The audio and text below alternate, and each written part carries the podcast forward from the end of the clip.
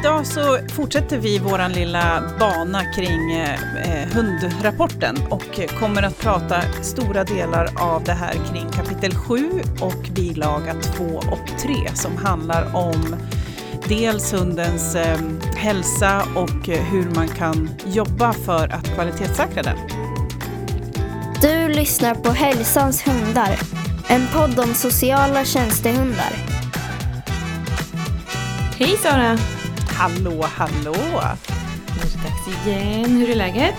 Jo men det är bara bra faktiskt. Det är ju, börjar närma sig påsk här nu så att eh, det känns ju helt underbart. Hur är det själv? Jo men det är samma här. Jag har haft eh, lite hektiska dagar som vanligt. Det säger väl jag alltid om man frågar mig. Men jag till exempel så tävlade jag med min häst i lördags. Väldigt eh, roligt och väldigt, jag var helt slut var jag. Just ja, jag kan tänka mig det. Ja, eftersom jag startade distansritt eh, och det var första gången vi startade i tävlingsklass eh, nu när han har fyllt sex år. Just. Eh, Så vi red fem mil då. Skiljer sig det mot liksom hundtävlingar? Alltså när du, ser det ungefär likadant ut eller hur, hur liksom... Ja, jo men det gör det väl. Man, kommer, man ska vara där en viss tid. Eh, man ska visa upp vaccinationsintyg och medlemskap och alltså, sånt här. Eh, en del av det sköts ju digitalt. Och sen så eh, skillnaden som är för mig då när man håller på med distansritt är att min häst ska gå igenom olika besiktningar. Så för att få starta så måste han veterinärbesiktas först. Eh, när de Mm. kollar liksom, känner på muskulatur, kollar att han inte har sår, lyssnar på puls och andning och allt sånt. Mm. Och sen så rider man en slinga och så är det en ny veterinärbesiktning som måste göras inom en viss tid från att man ankommer. Eh, och då det. tickar ens tävlingstid fortfarande. Så att ju bättre hästen är i kondition och snabbare går ner i puls, desto snabbare kan man liksom stoppa sin tävlingstid. Aha, Eh, så det bygger lite smart. på sånt. Ja men precis, de, eh, de är väldigt noga med att hästarna ska må bra. Och så kan man få mindre anmärkningar och ändå få fortsätta.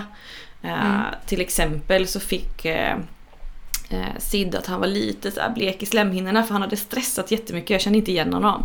Mm. Eh, men då får han ju inte ha det sen igen och det får inte bli värre. För sen gör man ytterligare en besiktning när man går i mål. Eller de som rider längre har ju ytterligare slingor då. Så att de går liksom några mil och sen gör man en besiktning. Och det är väl den stora skillnaden då. Eh, men Mm. det är ju i just den sporten med. Det är ju inte i alla. Ja, det är ju liksom motion eller vad man säger. Det är Exakt.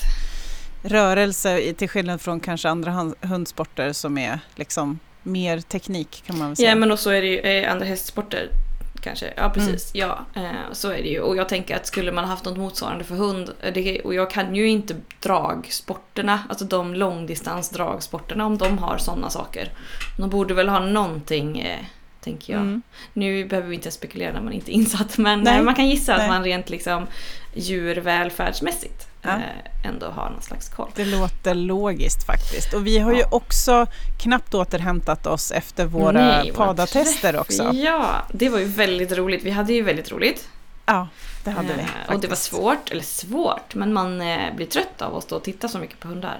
Ja. Och momenten, de sitter ju inte helt, men jag tycker att vi, vi jobbade ihop oss väldigt bra i de här olika teamen faktiskt. Det tycker jag gick eh, otroligt mycket mer smidigt än vad jag hade eh, föreställt mig eftersom vi faktiskt hade två helt gröna personer med oss in i, i eh, teambuildingen också. Några har ju redan varit med på våra gamla tester.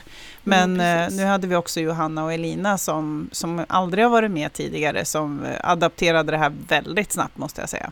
Ja, men precis. Ja, och det blev väldigt intressanta diskussioner för vi har ju lite olika bakgrund. Eh, Ja. och att du och jag känner varandra sedan innan och du och Maja känner varandra och du Tess och Yes. sådär. Men vi blandades ju hej vilt och eh, fick in några nya gänget med helt annan bakgrund. Mm. Eh, Så det blev väldigt så här, ja, men man ser olika saker, man undrar, eller man ser kanske samma sak men man har olika sätt att beskriva det eller sätta ord på det och sådär. Just. Eh, Precis. Så att, eh, mm. Och likaså också att vi är rörande överens om vilka hundar vi inte hade velat släppa igenom och vilka hundar som fick gå igenom också. Eh, Det tycker jag var väldigt skönt att det inte uppstod några liksom konflikter eller eh, kontroverser just kring vad vi tycker just gällande lämplighetsbedömningen av en socialtjänstehund. Nej, nu precis. är ju faktiskt både Elina och Johanna också etologer, så det var ju också väldigt kul att få, få höra deras bild av det hela så att säga. Ja, men precis. Ja, som du säger att vi var överens om det. Eh, och när det vi inte släppte igenom så var det ju också Ja men en del av hundarna kanske, det kan ha varit dagsform, att de var så stressade i situationen för dagen. Det kan ju vara olika saker men vi Mm. kan inte släppa igenom det vi där och då ser. Nej, precis.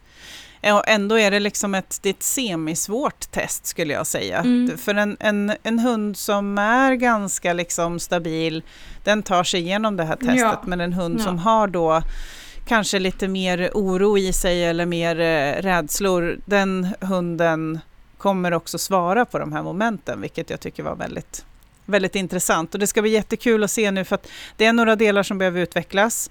Eh, så vi har möte igen här i slutet på april med eh, huvudorganisationen. Så det ska Just bli det. väldigt eh, intressant att se hur vi tar det här vidare sen. För det ska implementeras till hösten är ju tanken. Ja, men precis. Ja, och för den som är intresserad så gjorde vi ju ett avsnitt om just paratester där vi berättade lite om de olika delarna. Det var ju Just. jag och nu kommer jag inte ihåg, men kanske avsnitt fem eller fyra eller någonting i den här säsongen. Ja. Så det finns Precis. om man vill lyssna på, men nu har vi alltså, det som hände var ju att vi skulle göra ja, men, en början av vår examen då, där vi skulle eh, bedöma massa hundar Ja. Vi skulle beskriva tio hundar för att få ut vårt certifikat då. Mm, just det. enkelt. Och vi gjorde ju med våra egna hundar också. Ja, det gjorde vi ju faktiskt. Både Stella och Ray gick igenom. Mm. Eh, jag var inte helt hundra. Stella kan vara aningen skvättig i vissa situationer och sådär. Så jag tänkte att hon skulle reagera lite starkare än vad hon faktiskt gjorde på det här främmande objektet. Mm. Eh, och eh, där med Ray så upptäckte vi också en detalj som behövde finslipas i själva liksom hur vi hanterar testet. Så det var också bra att vi faktiskt fick, fick hantera den biten också så att man inte skapar onödiga situationer som hunden reagerar på som inte är meningen. Liksom. Nej, vad man tittar på och sådär. Nej men precis, jag har ju Ja. sett henne på BPH så jag hade väl ett litet hum men hon... Eh, nej, jag, hon tog det ju bra ändå. Ja, det gjorde hon. Hon är ju så cool så det är ju helt sjukt. Hon är miljötrygg, eller hon är trygg helt enkelt. Punkt. Ja. Liksom. Även socialt trygg rent generellt. Ja, faktiskt. Hon, eh, vi hade besök av en valp i helgen. En jätteliten havanäsvalp. Ja, eh, Som är eh, eh, tio veckor tror hon var. Så att vi var lite sådär att hon har inte sin sista spruta men, men ägaren är ju en Mm. vän till mig. Och vi kommer ju Mm. umgås mycket så att det var lite som att men, som att jag själv skulle ha fått hem en valp typ. ja. Eh, så att vi kände att det var okej. Eh, och då Ray var ju, eh, jag är så imponerad över min egen hund för att en havanäsvalp är mycket liten. ja. Och en bracco inte så liten. Nej. Och den här havanäsvalpen hon är jättehäftig med miljöer och, och mors-mors på människor och sådär. Men hundar tycker hon är lite äckligt liksom. Mm. Eh, och Ray jobbade så fint med den här lilla valpen. Och valpen gick in och satte sig mellan sin mattes ben och Ray satte sig bredvid och så höll hon ner sitt stora huvud med kinden vänd mot och liksom så försökte sänka och, och gå så sakta. Alltså hon försökte verkligen visa att hon eh, inte skulle jaga henne. Eller liksom, Nej. hon var inte burdus alls. Och det här är ju en ganska bufflig och brötig hund annars som kan typ Ja. gå på allt och alla. Och, Ja. och det var så häftigt att se. Eh, faktiskt. För att eh, alla mina hundar har generellt varit ganska bra med valpar men eh, inte kopplat på det så tydligt som hon gjorde. Att hon verkligen jobbade med att försöka komma närmre utan att skrämma den. Mm. Det är Vad jättehäftigt att se. gulligt. Vad kul. Sån, eh, ja, nej, men det är roligt att se hundar. Jag önskar att eh, vi hade kunnat filma det. Eh, om man hade Ja. tänkt i förväg. Just för att för hundspråk. Som till exempel på våra utbildningar och så. Just det. Ja, Ja, mycket att titta på. Ja, jag såg ju bilder på, på Facebook på den Just där det, valpen. på den den lilla helt valpen. bedårande. Det är ett litet brunt fluff. Mm. Supergullig. Ja, Men idag, Idag då, då? så ska vi ju prata om eh, hundrapporten, eller en till del av hundrapporten. ja. Och eh, framförallt då en del av kapitel 7, nämligen 7.7 och 7.8 är det vi ska lyfta lite grann. Mm. Ja, för Eh. kapitel 7 handlar ju om hundars fysiska liksom, välmående på något sätt, eller hälsa Mm. och vård. Eh, Precis. och eh, det är ju jätteviktigt såklart för Mm. oss när vi jobbar. Precis. Och den tar ju upp både då som första, eh, första liksom vad säger man, stycket handlar om smärta, Just sen det. kommer de olyckor, övervikt, allergier, hormonrelaterade sjukdomar och epilepsi.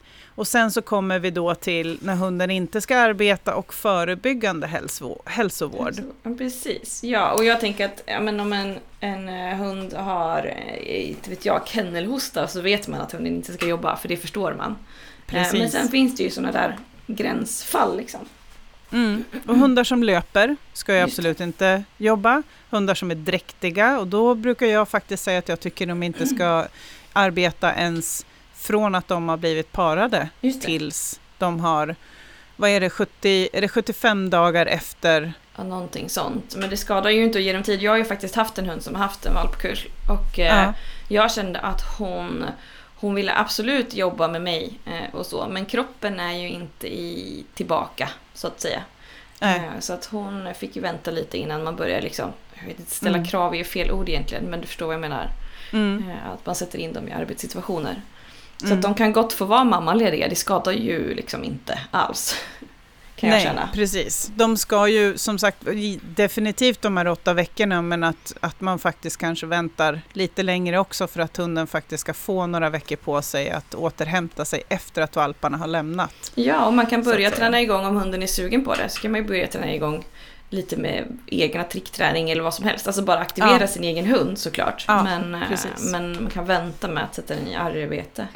Eh, för mig är det här jätteviktigt avsnitt, det är det ju för alla, men jag, eh, jag jobbar ju mycket med både det som vi ska prata om, eh, förebyggande och ja, jag tycker att det här är väldigt, väldigt viktigt och det hänger ihop med hundarnas välfärd också ju.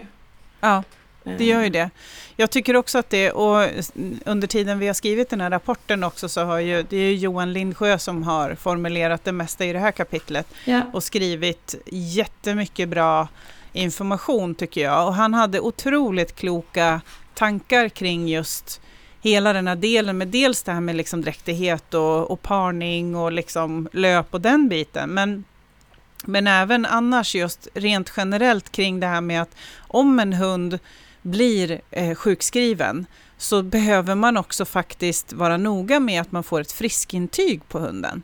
Så att man liksom någonstans checkar av det räcker inte kanske bara med att man har liksom gett medicinen klart, utan man behöver få, ha en, en vettig dialog med veterinären så att man liksom verkligen har koll på att hunden är redo för att gå tillbaka till jobb igen. Ja, jag tänker att vi människor gärna litar på vår egen förmåga. Ja, men jag ser att min hund eh, mår bra nu, eller vad det kan vara. Eh, mm. Och att det blir lite slarv då, det finns ju en trygghet i att faktiskt få som ett friskhetsintyg också. På att ja, men du har rätt i det. Eller nej, du missar det här. Eller den här hunden behöver medicineras längre. Eller vad som helst. Liksom. Men du, mm. för den som mm. inte vet, eh, Johan Lindsjö, vem är det som har skrivit kapitlet? Ja, men han är veterinär eh, och också då kopplad till eh, SLU. Så ja. han finns, han sitter även på SKAV. Mm. Eh, så att han är ju enormt kompetent just när det gäller hundens hälsa och eh, sjukdomar. Mm. Och även Elina eh, Åsbjer har också varit med och eh, eh, hon är också veterinär och har också varit med och eh, liksom eh, bidragit till de här texterna. Så det, vi har ju haft olika liksom, kompetensområden egentligen kring det här. För jag har ju liksom stött på och nött och säga så ja men när det, är, när det blir så här och så här, då måste, hur gör vi då? Liksom, kan vi formulera någonting kring det?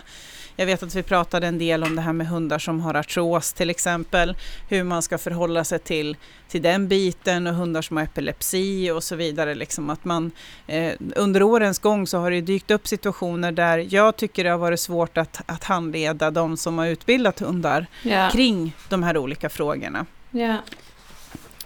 Så ja. att, eh, det, är, det är viktigt att, eh, att ta med det så att säga.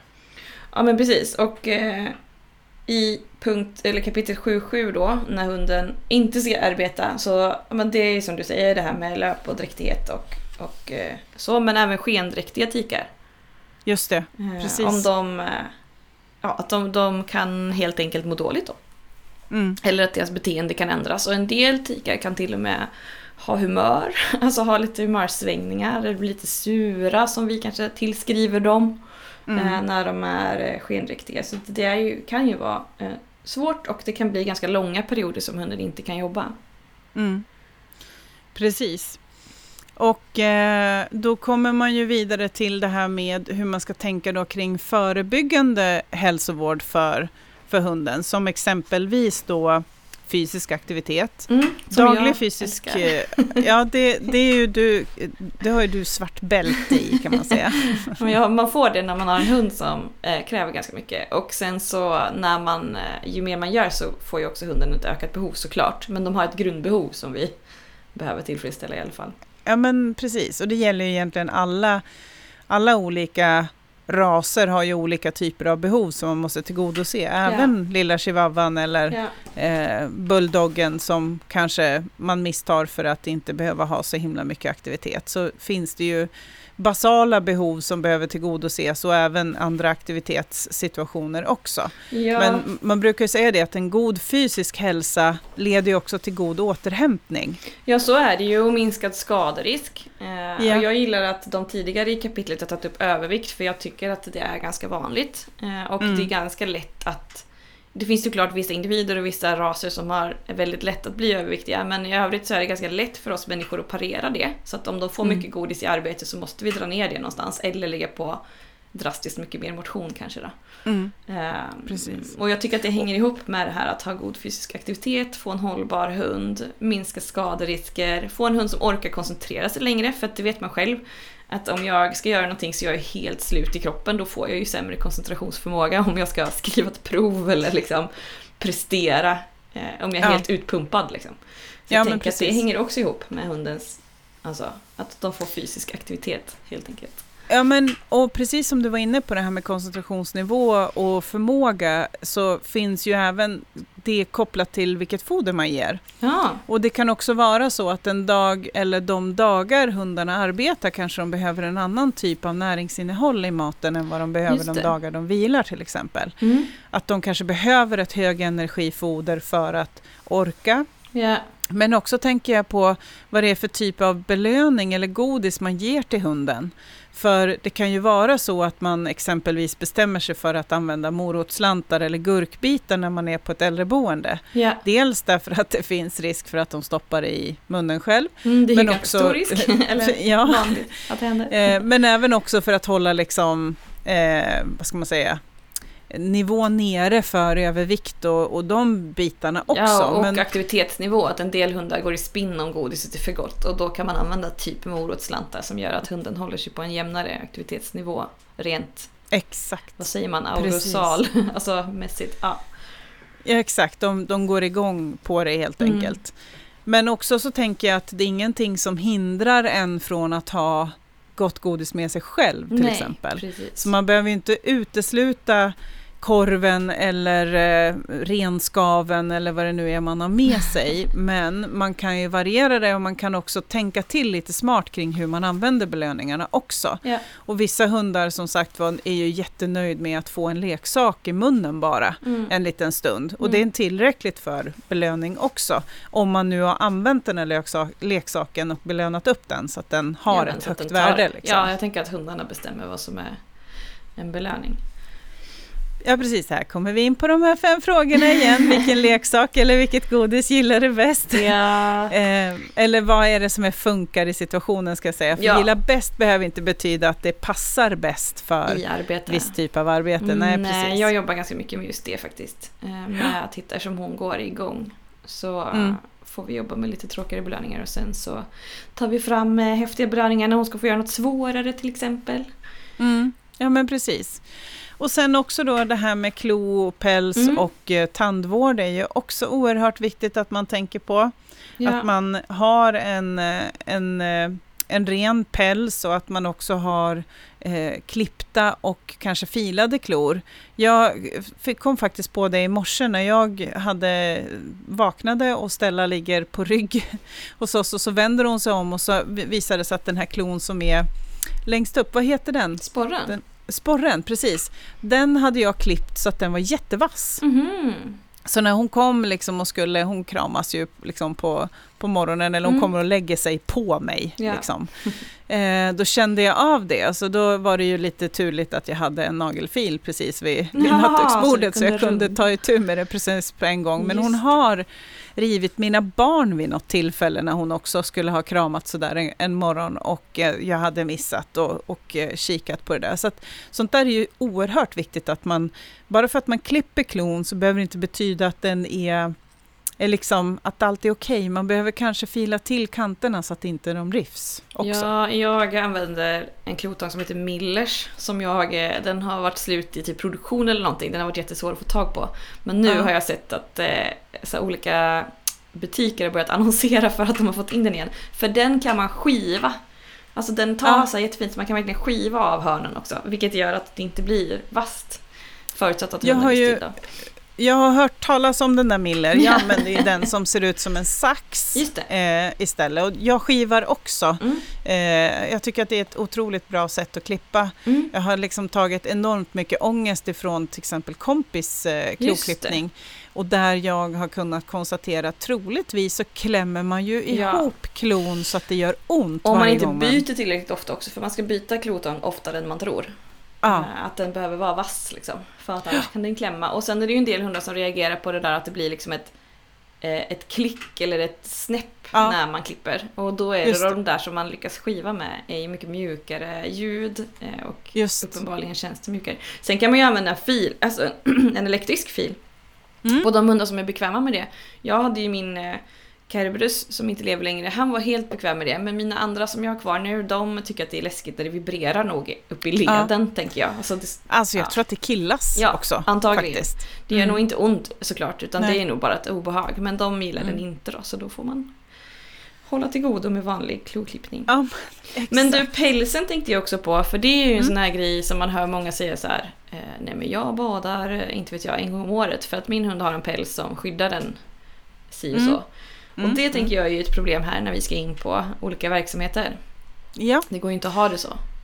Nej, exakt. Och det, är ju, det här är ju eh, en, eh, en ganska liksom, infekterad fråga skulle jag säga. För att pratar du med tillverkare eller liksom försäljare av schampon eller forskare för den delen. Om man tittar på de här personerna med allergeniusschampot till exempel så menar ju de på att, och det, det vet jag också att jag har pratat med eh, nå- de här som har K9 eh, till exempel. Just det. Så där, eh, det var det första han sa till mig på en mässa, eh, just att det, det finns en, en eh, föreställning om att, att hunden liksom bygger upp en, en hud, eh, liksom ett fett i huden som ska skydda mot kyla och så vidare.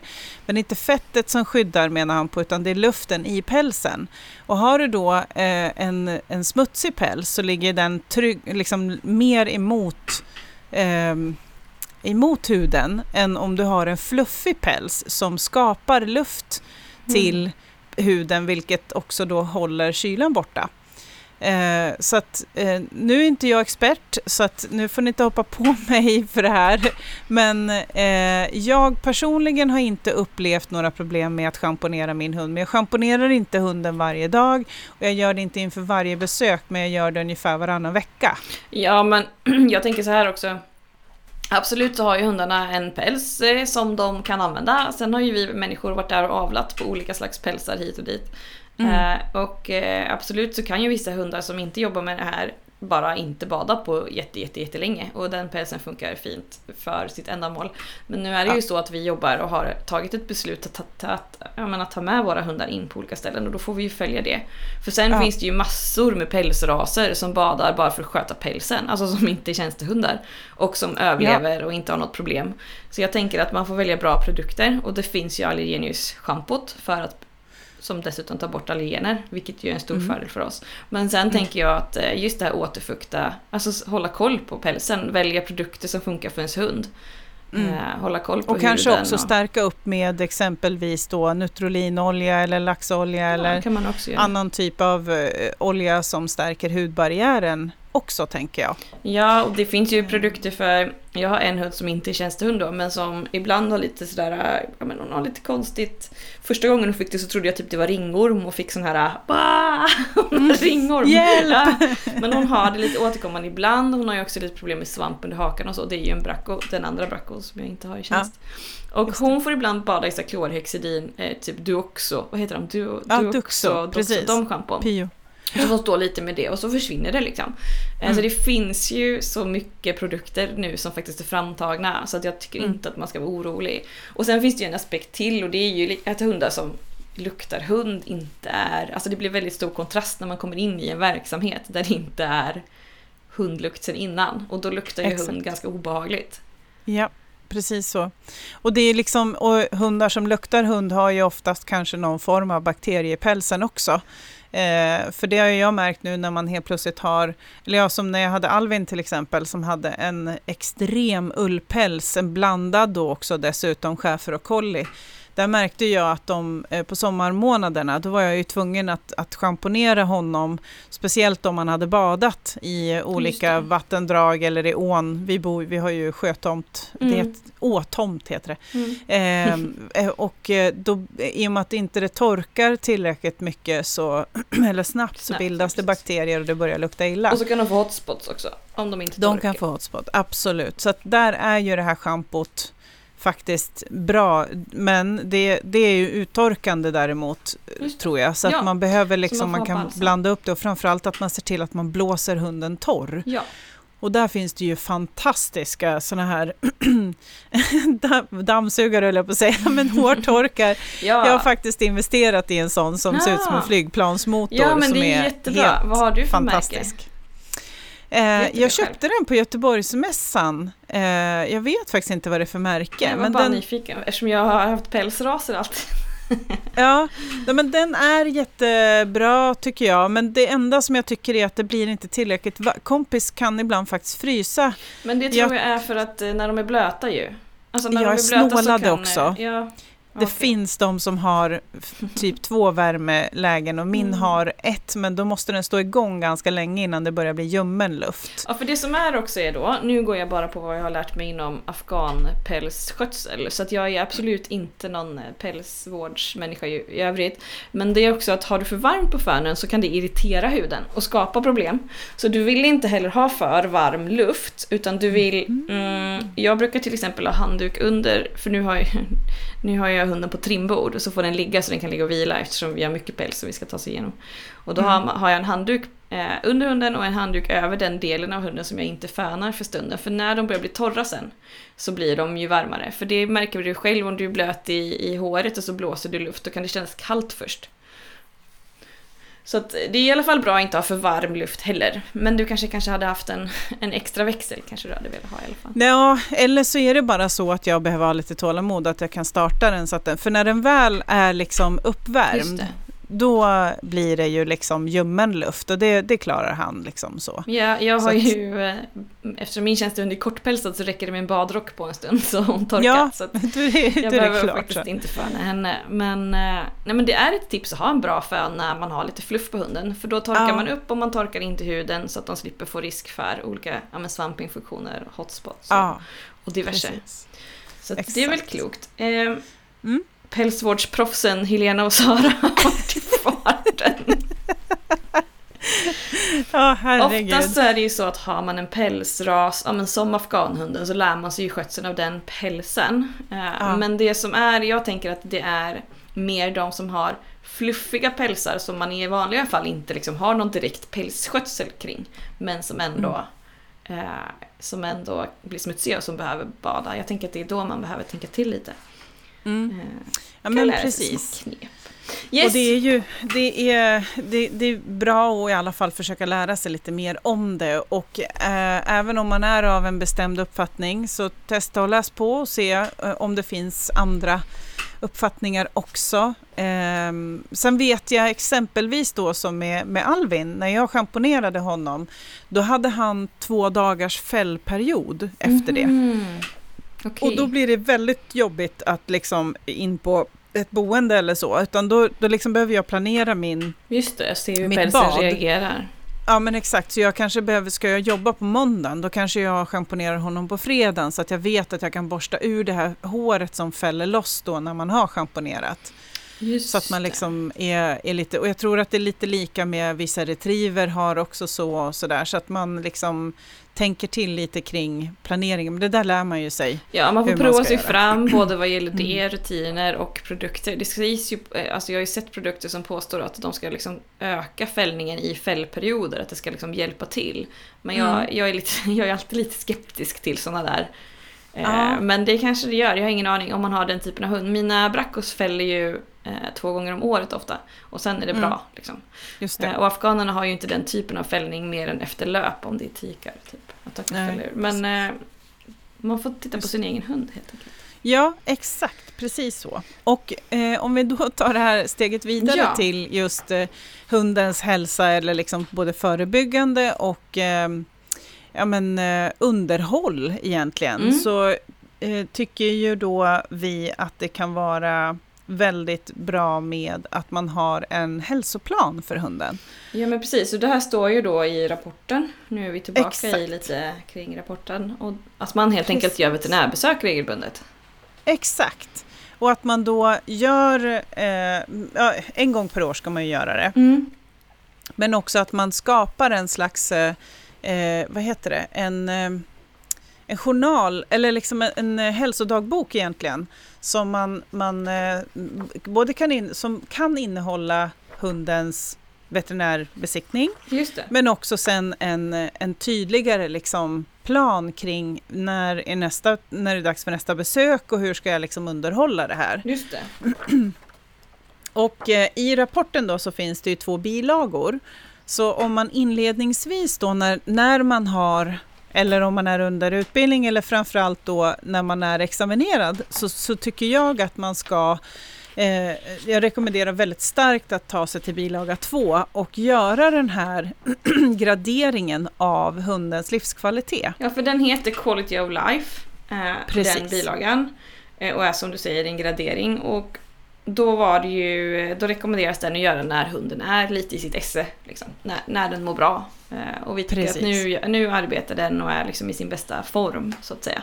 Mm. Så att man kan ha det lite som en eh, mall eller någonting att falla tillbaka och jämföra med om man börjar känna så här, nej men är det kanske dags för min hund att pensioneras? Eller för all del, eh, den kanske snart ska börja löpa liksom. Är det dags att ta det nu? Ja. Alltså att man märker någonting på hunden som gör att man... Alltså jag skulle kunna titta. tycka att man kan göra den här, det är ju Ja, liksom kan inte många då frågor och man kan kryssa i det, man gör det i samband med sin veterinärbesiktning så har man ju liksom årligen gjort checkat av. gradering. Ja, men ska vi Lirar säga... din hund likadant som den gjorde förra året den här tiden liksom? Det var- är tio olika frågor egentligen tror jag.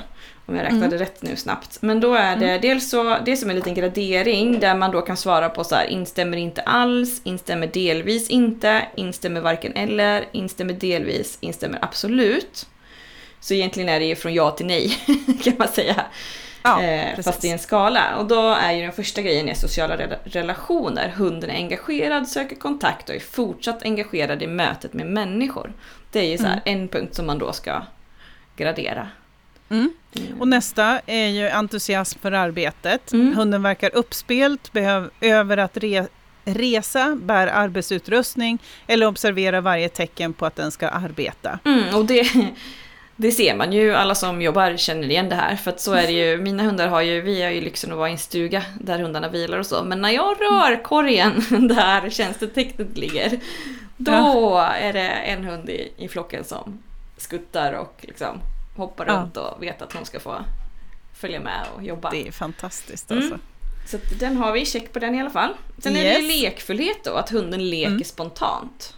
Mm.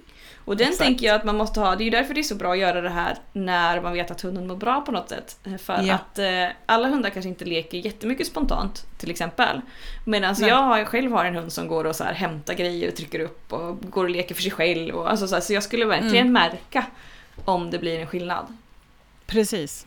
Ja, men det är jättebra och det är som sagt var, här behöver det ju inte vara så att det ska vara liksom att eh, alla hundar leker spontant och jättemycket Nej. utan det är ju liksom vad hundens basnivå ligger på från start. Liksom. Exakt. Och sen då energinivå. Hunden uppvisar energi, en, in, en energinivå som är lämplig för den aktuella arbetsaktiviteten. Mm. Eh, och nästa punkt är vila.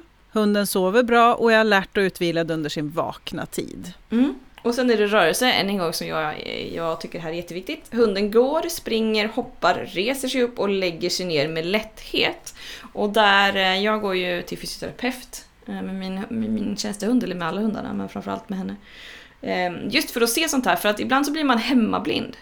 Mm. Det här att de kanske avlastar lite, lite eller vrider ut ett ben när de sitter eller vad det kan vara liksom.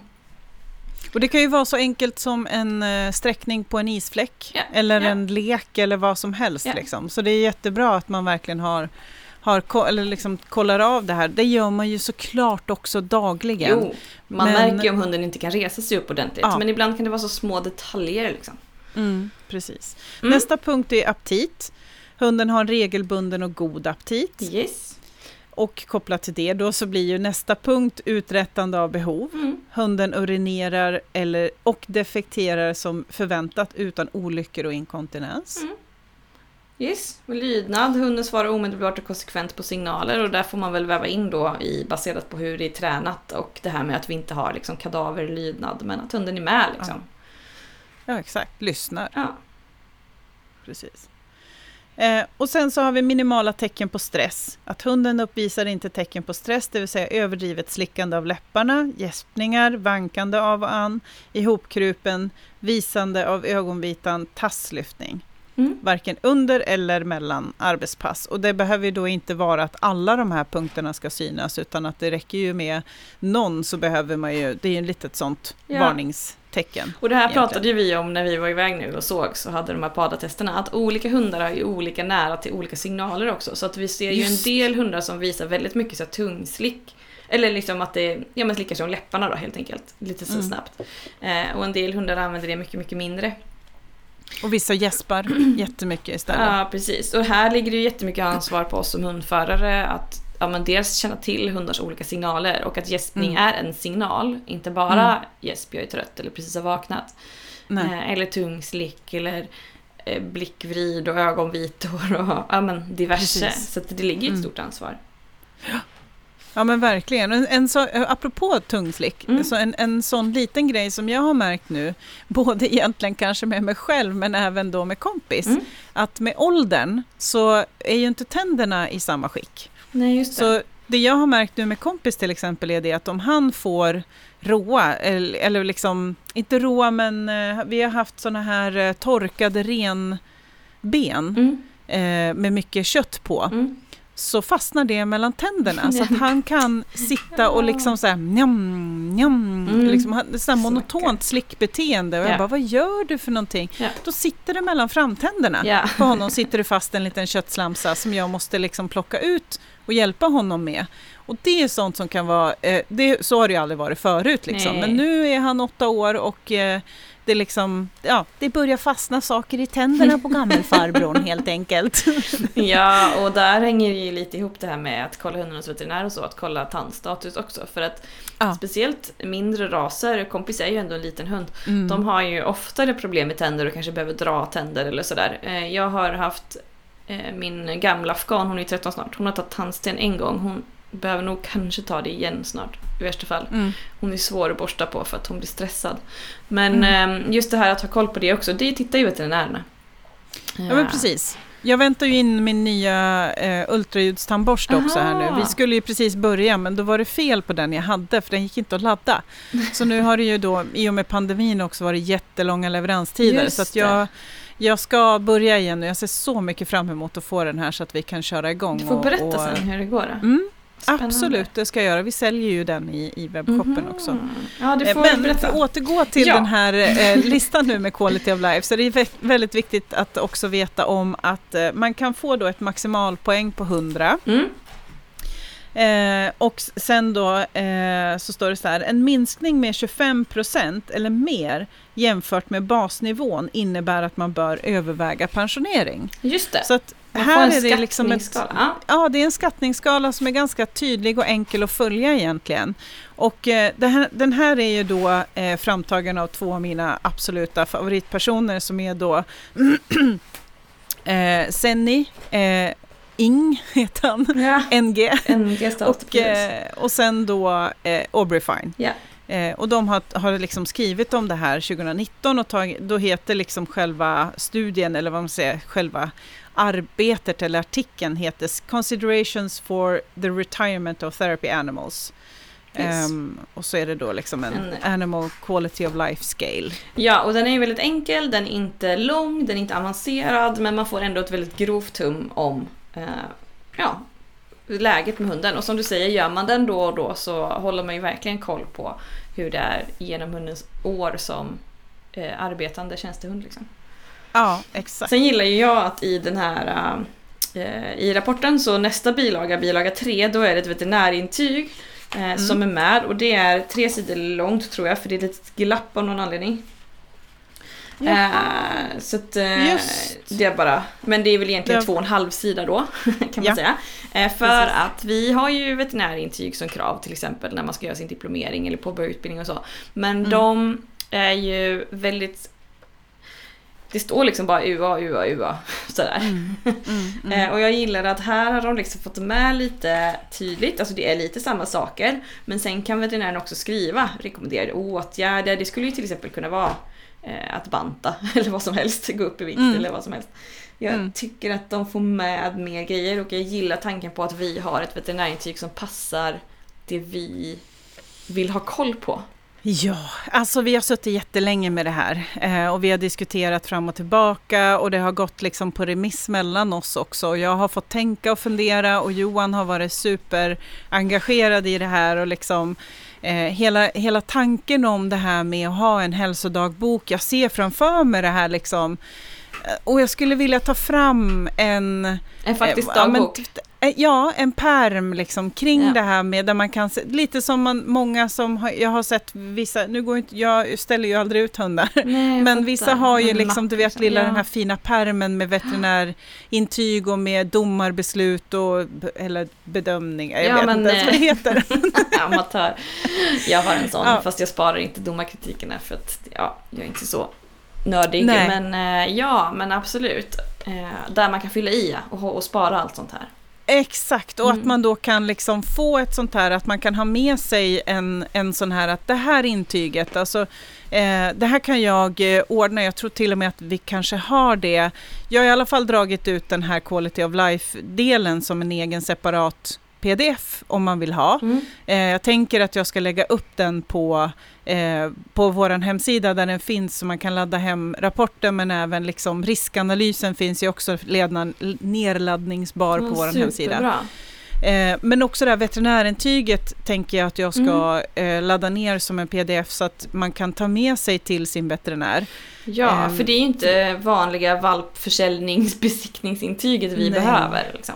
Precis. Och det är så himla bra. Eh, var det, är det i Norge de har, är det Annikura eller någonting? Alltså det är något ja. Eh, företag, eller så här djursjuks, djursjukhus Exakt. som gör eh, bedömningar på just sociala tjänstehundar. Och det, det är ju mm. drömmen att få i Sverige Så shout-out till alla djurkliniker. Ja. Kontakta oss för ett samarbete helt ja, enkelt. Ja, för vi skulle ju vilja ha eh, där veterinärerna ja. eller den som djursjukvårdare eller vem det nu jag är lite dålig på alla deras titlar.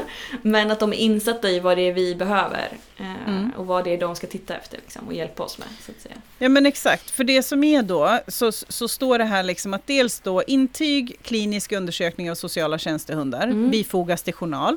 Detta intyg utfärdas för att försäkra sig om att hunden är arbetsför, det vill säga inte har några smärtor eller tecken på skador eller sjukdom som påverkar hundens arbete. Mm. och så finns det då information, eh, kontaktinformation och så är det liksom information om hunden. Mm. Och sen då på punkt 1 så står det, den kliniska undersökningen görs med anledning av 1. Hunden ska påbörja utbildning till socialtjänstehund. 2. Hunden ska påbörja tjänst som socialtjänstehund.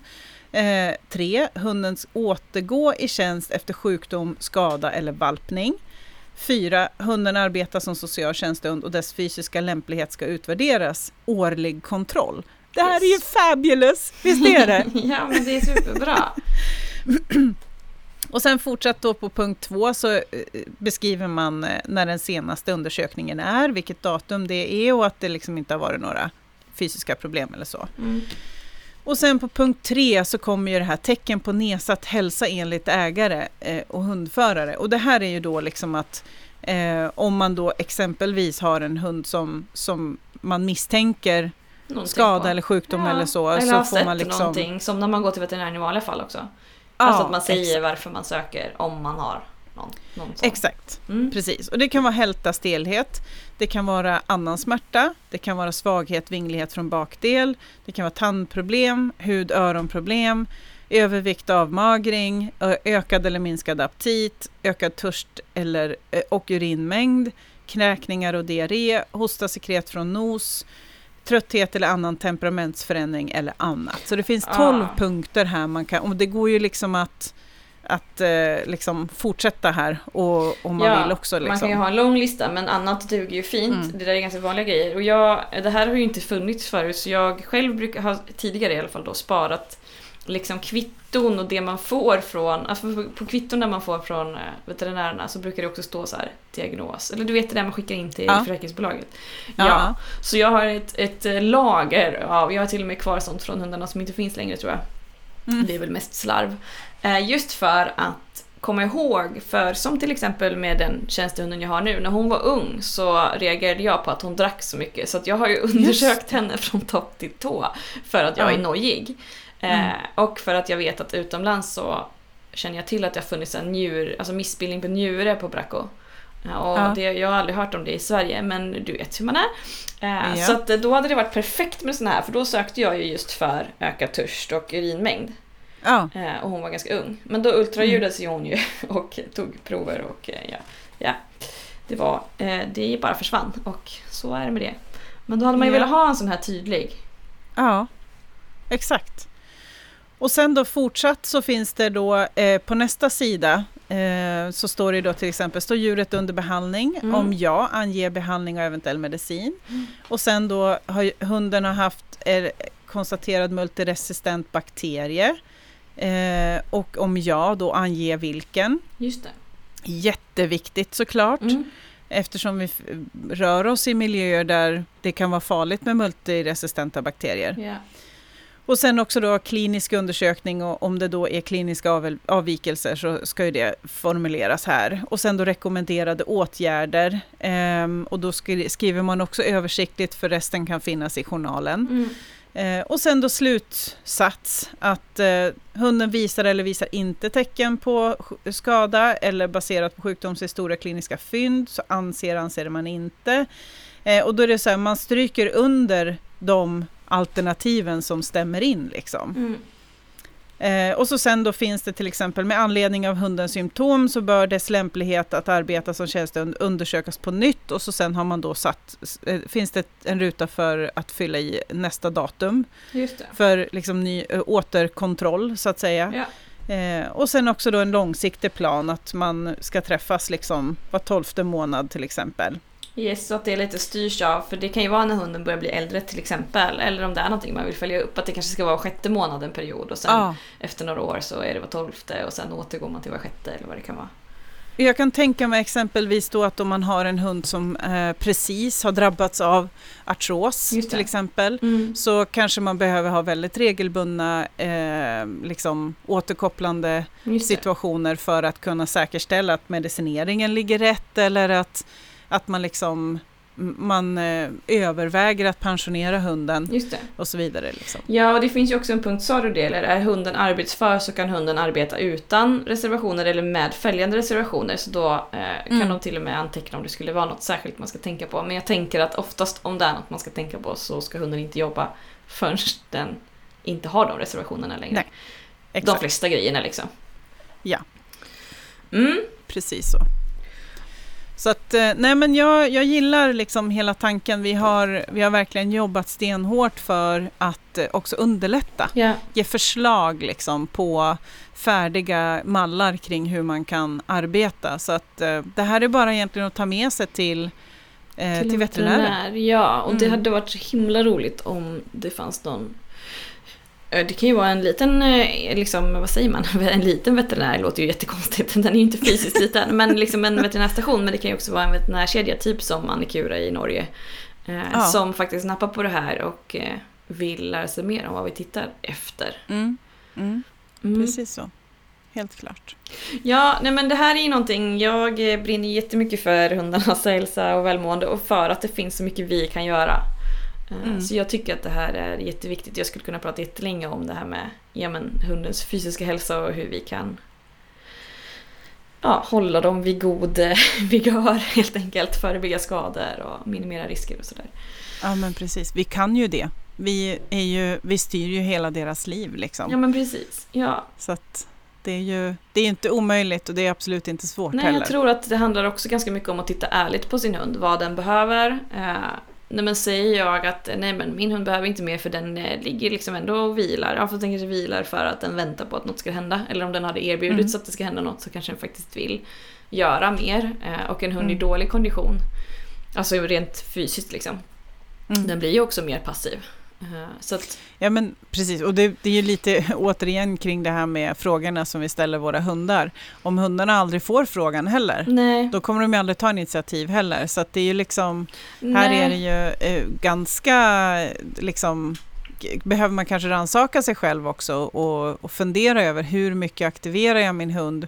Är det för mycket? Är det för lite? Är det en bra balans? Eh, och är det en bra balans mellan olika typer av aktiviteter också? Ja, och fysträning. Ja, men precis. Och sen också mm. såklart vad man har för hund. För att jag har, jag har en hundindivid eh, som inte är tjänstehund då, men som är ganska lat kanske. Mm. Bekväm. Regnar det så behöver man inte gå ut och kissa på väldigt länge. Men om man väl är ute så är hon ju fine med det. Så ibland så måste jag ju ta ansvaret att säga, nej men nu måste vi gå en promenad eller liksom, nu får du faktiskt ja. röra på dig. Eh, och hon älskar till exempel att springa med min sambo. Eh, men hon kan först då inte vilja ha sele till exempel. Nej. Men så fort hon kommer ut genom dörren så woho, så är det jätteroligt. Så ibland så måste man ju också när man frågar fundera på vad jag frågar. alltså vad är det för ja. fråga och vad är det för svar jag får. Liksom. Precis. Eh. Ja, men det är lite som, det är lite som eh, alpinåkning. Ta på sig pjäxorna är ju typ ett helvete, ja. men väl ute i backen är det ju skitroligt. Ja, och det är lite samma sak med kompis. Jag vet inte, under hela vår livstid så har han inte gillat att ta på sig sele. Eh, men han bryr sig inte ett dugg om den när vi är ute och går. Nej, nej men precis, och där kan man ju, om man har det problemet så, det som jag har jobbat med är ju utesluta öronproblem och diverse. För dragselar mm. är ju lite tajta liksom. Det är inte massa ja, okay. spännen överallt utan man drar mm. liksom på dem och tar i benen och sådär. Eh, och mm. ingen av mina hundar gillar att ta på sig selen. Eh, men, men sen när de står med dem på så står de ju med pannan in i dörren och vill gå ut. Ah, alltså att eh, ja, de vet ja precis. men det är ju så. Ja men precis, jag tror att kompis, eh, han gillar inte att få det över huvudet bara. Nej, liksom. men precis. Och vet man då om att hunden inte har ont, att det inte är för att den liksom ja. har ont när man drar den över huvudet eller så, så mm. kan man ju bara försöka belöna upp det och sen får det vara Liksom. Ja men exakt. Ja och han kommer ju fram, det är bara det att han ser ut som sju svåra år. Ja, liksom. ja mina kan eh, ju Så gå undan. Vi har ju försökt att liksom resonera mycket kring det där. Har han blivit ja. klämd i pälsen? ingen av oss vet med oss att vi har gjort Nej. det i alla fall. Men, men eh, det, ja, det, han är bara så. Jag vet att det finns andra pudelblandningar som också är lite likadan. Och det hjälper inte att ha en sele som inte man drar över huvudet för att han har lite samma samma Tank, kroppsspråk liksom. men, men så fort den är påknäppt då är svansen upp igen och mm. liksom allting. Så det, det, är bara liksom hela den där eh, ja, komma fram och få på sig utrustningen grejen liksom. Mm. Ja men och det, eh, att jag snurrar in på det var väl mer det där med att, ja men just att vi behöver vara ärliga med vad vi ser hos hunden. Mm. Vi behöver mm. vara ärliga med allt ifrån vikt till, eh, alltså sådär att man blir lite hemmablind. Att man behöver verkligen ta av sig hemmablindsglasögonen och ta på sig mm, andra glasögon. Mm, mm. Och se vad behöver min hund. Liksom. Ja, men och mycket, det har varit en del hundar faktiskt nu på sistone också som jag har pratat med eh, som har haft ont i nacken till exempel.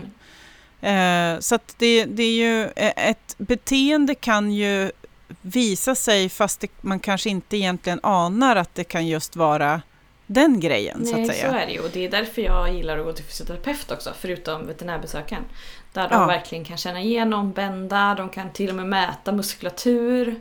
Mm. Eh, de kan titta, ja men verkligen så här, hur står min hund, hur lägger den vikten om jag håller upp en eh, tass? Lägger den vikt där då eller parerar den? Alltså mm. så här, avlastar den, si och mm. så. Eh, så att jag har ju en fysioterapeut som jag litar på med mitt eget liv och hundarnas liv. Och det är ju guld värt. Ja, Även om man kan mycket själv så finns det alltid Precis. Och veterinärerna kan ju jättemycket men det är inte alltid de kan allt som har med mjukdelarna att göra. Nej. Leder och muskler och den biten. Och det är liksom. lite billigare de... att gå till fysioterapeut också. Så jag kan gå mm. dit och då kan de peka ut så här, nej men kolla upp det här. Det har inte hänt ja. mig nu men det hände med min förra afghan där de hittade en pytteliten liten, liten, liten grej i ryggen. Eh, ja. Som veterinären var såhär, nej men det här, eh, det gör man det är ingenting. Det är till och med det är ett bifund, bifynd som de brukar hitta om hunden har någon stor, alltså det hunden visar stora grejer.